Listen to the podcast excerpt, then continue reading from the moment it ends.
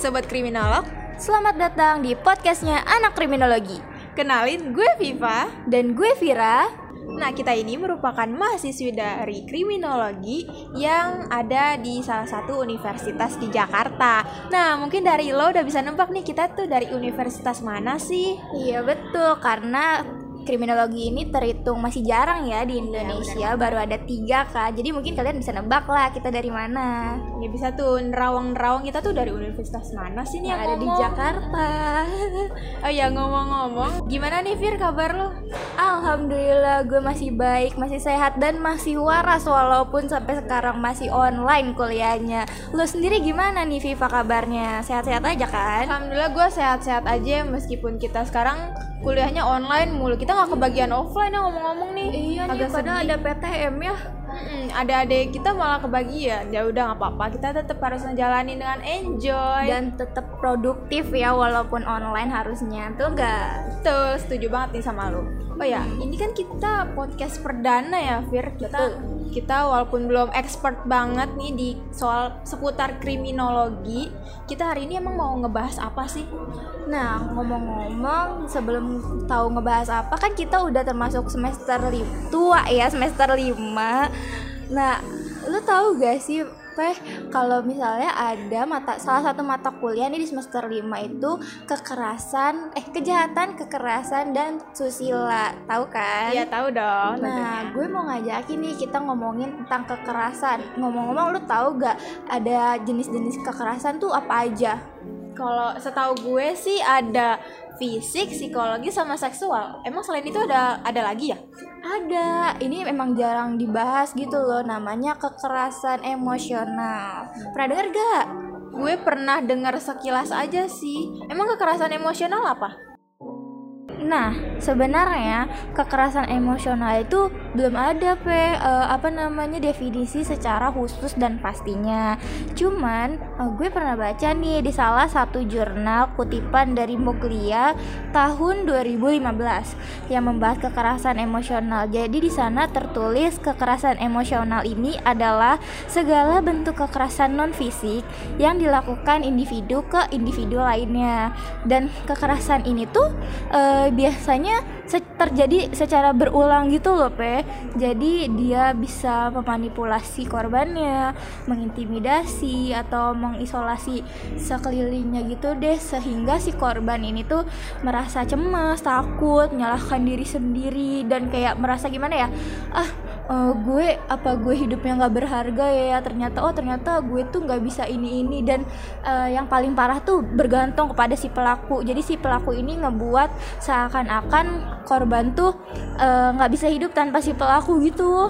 Oh, jadi dia tuh seakan-akan nggak bisa berdiri di kakinya sendiri ya? iya iya gitu. Kan parah banget kan? Iya ya, gue mulai paham nih. Eh tapi gue juga pernah sih Fir kayaknya tuh baca eh, baca terkait eh, sama kekerasan emosional ini. Hmm. Tapi jurnalnya tuh dari WHO.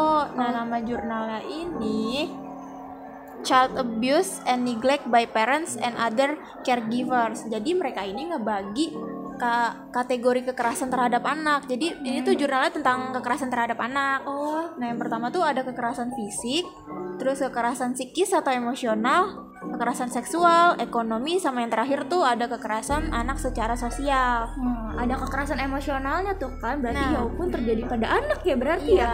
Dan menurut jurnal WHO ini kekerasan emosional tuh bentuknya nggak begitu gampang dikenalin. Nah, betul. Wujudnya tuh wujud dari kekerasan ini tuh bisa berupa berupa kata-kata kasar, Hmm. ejekan, mempermalukan dan sejenisnya.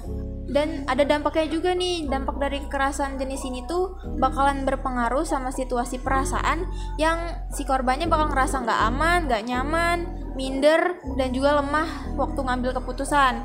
Dan bisa juga nurunin harga diri serta martabat si korban. Tuh kan berarti sama ya kayak yang udah gue jelasin tadi berarti emang parah banget ya apalagi kekerasan ini tuh eh, tadi yang kayak lu bilang tidak terlihat bentuknya karena dia non fisik ya iya, kan? jadi dia tuh cuma bukan cuma tapi kerasa akibatnya yang kerasa banget. Iya eh, efeknya ya efeknya. Karena eh, dia ini kan bermain dengan emosi gitu loh. Kayak tadi eh, manipulasi perasaan mungkin kayak apa ya gimana ya jelasinnya kayak mungkin orang juga nggak sadar gak iya sih nggak sadar Hmm, baik pelaku atau korbannya tuh malah mungkin bisa aja mereka nggak sadar kalau lagi ngalamin kekerasan Iya, emosional iya, kayak mungkin eh, m- mereka nggak sadar kalau misalnya merendahkan orang lain sehingga orang tuh merasa kayak gak berani, gak percaya diri atau kayak mengekang gak sih jatuhnya ya kan? Jadi kayak berefek itu termasuk kekerasan emosional ya berarti Iya. ya? Eh tapi gue inget nih ada satu drama Korea yang Hmm? gue tonton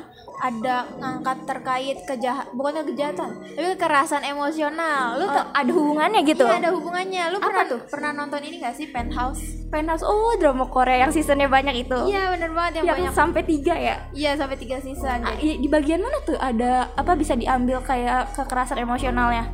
Nah, jadi di dalam drama itu tuh ada uh, sepasang ibu dan anak. Hmm. Anak ini namanya Lee Eun Byul. Jadi dia punya ibu namanya Chon Sojin yang uh, pekerjaannya nih jadi seorang penyanyi, Eh, penyanyi Ha, seriosa. Ha Eun Byul dokternya eh, bapaknya Oh iya, dokter. bapaknya Ha Eun eh anaknya Ha Eun Byul. Iya, iya. Eun Byul aja Iya, Eun namanya.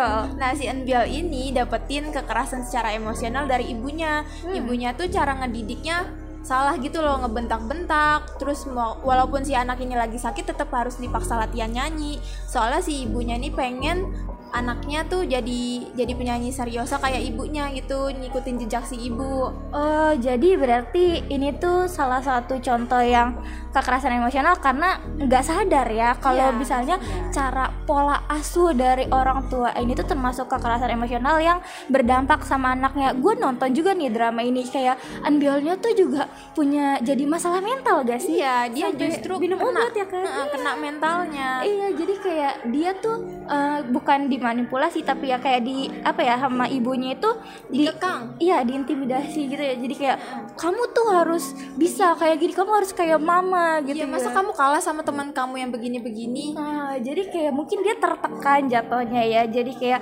cemas, dia takut. Oh, berarti eh, gue jelek nih. Gue nggak bisa banggain mama gue gitu kan ya. Jadi kayak gue harus bisa banggain mama gue nih biar gue nggak dibentak-bentak lagi gitu ya berarti Iya, efeknya. eh, tamengnya dia kayak gitu. Tapi si ibunya ini sebenarnya ada alasan kenapa dia bisa ngelakuin hal itu ke anaknya. Karena dia tuh waktu masih sekolah, masih SMA, ngalamin kekerasan emosional juga nih dari bapaknya. Oh, bapaknya iya. tuh suka ngebanding-bandingin dia sama kakaknya. Oh iya iya terus juga eh, mamahnya dulu ini punya rival yang cukup kuat ya jadi Iya, banding bandingin di zaman sekolahnya nih si ibunya Anbil punya rival. Iya iya berarti ini oh masuk juga tuh kayak yang tadi ke kalau keje apa kekerasan emosional ini kan terjadi secara berulang ya. Iya, berulang dan turun temurun. Nah, jadi kayak secara tidak langsung kayak ya ini tuh turun temurun gitu loh kekerasan emosionalnya gitu kan kayak cara didik yang salah nggak sih? Iya, cara didiknya nih kayak apa ya? eh, parentingnya kurang bagus pokoknya. Iya iya kasihan ya sebenarnya ya ampun jangan sampai deh kita kayak gitu ya. Eh tapi eh, setelah gue inget-inget ada lagi film lain. Eh, tahu gak film Disney yang judulnya Tangled yang Rapunzel? Oh iya iya tahu Iya, tahu. Rapunzel gitu kan. Eh, di situ tuh juga ceritanya kan si Rapunzel ini tuh anak dari kerajaan kan. Dia tuh punya mungkin kekuatan gitu dan waktu kecil dia diculik oleh penyihir. Jadi penyihirnya ini tuh ingin kekuatan dari si rambutnya Rapunzel ya kan. Nah, akhirnya diculiklah si Rapunzel ini terus dibawa ke hutan. Nah, dibawa ke hutan terus kayak akhirnya diisolasi kan dia dari kehidupan dunia luar. Jadi si Rapunzel itu taunya penyihir ini tuh ibunya. Terus kan kayak gimana ya?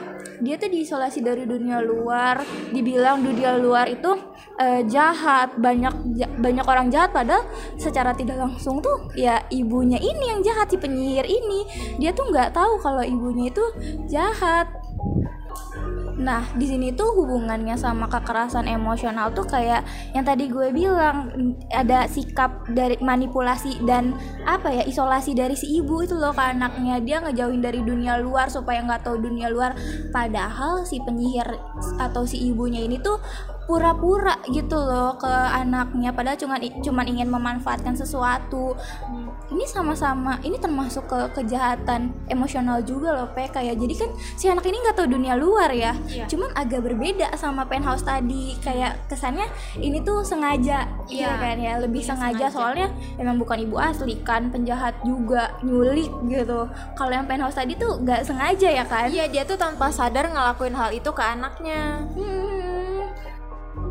Nah, berarti kayak gini tuh entah sadar maupun nggak sadar kekerasan emosional ini rentan terjadi ya, apalagi terhadap anak, hubungan anak dan orang tua gitu ya, Pak ya. Iya bener banget udah gitu menurut data nih ya kejahatan emosional tuh termasuk bukan kejahatan kekerasan Nah, Kekera- ya, kekerasan. kekerasan emosional tuh termasuk kera- termasuk yang jarang dilaporin gitu Iya, karena emang nggak ada bentuknya, non Iya, ada bentuknya. ya kan. Dan apa ya, buktinya nih nggak ada selain kayak eh, psikisnya korban ya berarti harus divisum. Bahkan kayak mungkin korban ini merasa tapi nggak tahu kalau dia itu korban dari kekerasan emosional. Bahkan pelakunya pun nggak sadar nggak sih? iya dua-duanya nih bisa aja nggak nggak sadar soalnya kayak mungkin kurang penger kurang edukasi tentang kekerasan emosional Iya, jadi kayak ya sayang banget sih rentan bahkan yang tadi kisahnya si Enbiol sama ibunya itu kan kayak apa ya ibunya ini memaksa supaya anaknya bisa seperti dia. Jadi gue pernah baca juga tuh di salah satu jurnal Baker dalam Heurah pada tahun 2006 deh kayaknya eh, apa ya dia menyatakan bahwa kekerasan terhadap anak ini eh, emang sering terjadi seakan-akan orang tuh orang tua ini tuh menekankan bahwa ini tuh baik untuk masa depan kamu gitu loh ya kan jadi kayak yang kayak tadi mamahnya gitu kan nyuruh kayak "Ma- kamu tuh harus seperti mama gitu. Kamu eh, biar bisa ke- terkenal gitu lah sukses seperti mama. Padahal mah masa depan kamu yang bagus tuh kayak begini kayak Iya. diarahin banget ya. Ah, padahal belum eh, belum tentu gitu kan. tuh anaknya mau. Ah, tertekan malah kan Iya. dan malah jatuhnya ke kekerasan emosional. Emosional. Iya, parah banget sih. Eh tapi ngomongin kekerasan emosional nih nggak cuma hubungan antara ibu dan anak atau orang tua dan anak ya, tapi bisa juga hubungan Siapa pun sih Iya, sebenarnya ya. siapa pun bisa. Hmm. Jadi kalau lo lo nih punya pacar, terus bisa jadi lo tuh jadi korban atau jadi pelaku, Pelaku, kekerasan iya, emosional iya, iya, ke iya. pasangan lo. Iya, mungkin itu akan kita bahas di episode 2 kali Iya, ya. Untuk kali bisa. ini mungkin kita bahasnya segitu aja. Apa ya? Eh, ya udah segitu aja paling. Semoga aja ya dengan adanya podcast kita gitu lebih memberikan edukasi kepada Iya. sobat-sobat kriminolog yang lagi ngedengerin semua nih ya kan. Semoga tidak terjadi lagi lah namanya kekerasan emosional maupun itu nanti kita setelah menjadi orang tua ataupun kayak yang tadi Hubungan. Viva bilang ya hubungan antar pacar, teman, sahabat atau segalanya gitu. Semoga tidak terjadi lah gitu.